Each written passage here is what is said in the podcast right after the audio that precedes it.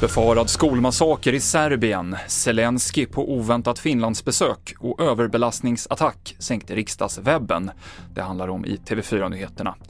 Vi börjar i Serbiens huvudstad Belgrad där en skolskjutning har inträffat under förmiddagen. Serbisk polis uppger att en tonårspojke öppnade eld och dödade åtta barn och en säkerhetsvakt. Den misstänkte skytten har gripits, uppger det serbiska inrikesministeriet.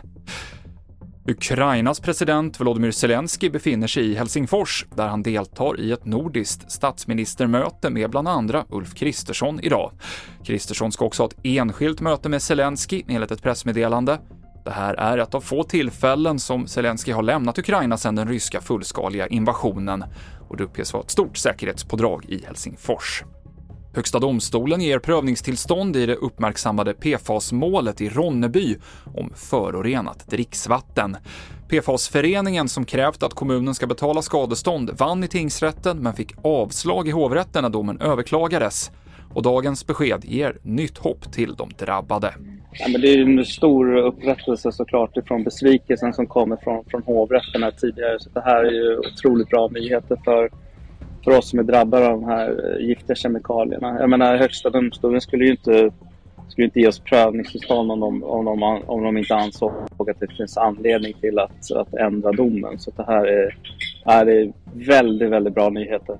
Herman Afzelius, ordförande i PFAS-föreningen.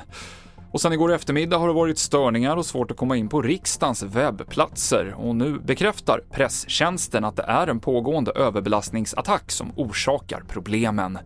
Riksdagsförvaltningen kan ännu inte svara på vad eller vem som orsakat attacken eller när allt kan fungera som vanligt igen.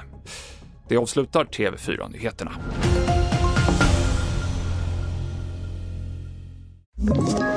Ett poddtips från Podplay. I fallen jag aldrig glömmer djupdyker Hasse Aro i arbetet bakom några av Sveriges mest uppseendeväckande brottsutredningar går vi in med hemlig telefonavlyssning och, och då upplever vi att vi får en total förändring av hans beteende. Vad är det som händer nu? Vem är det som läcker?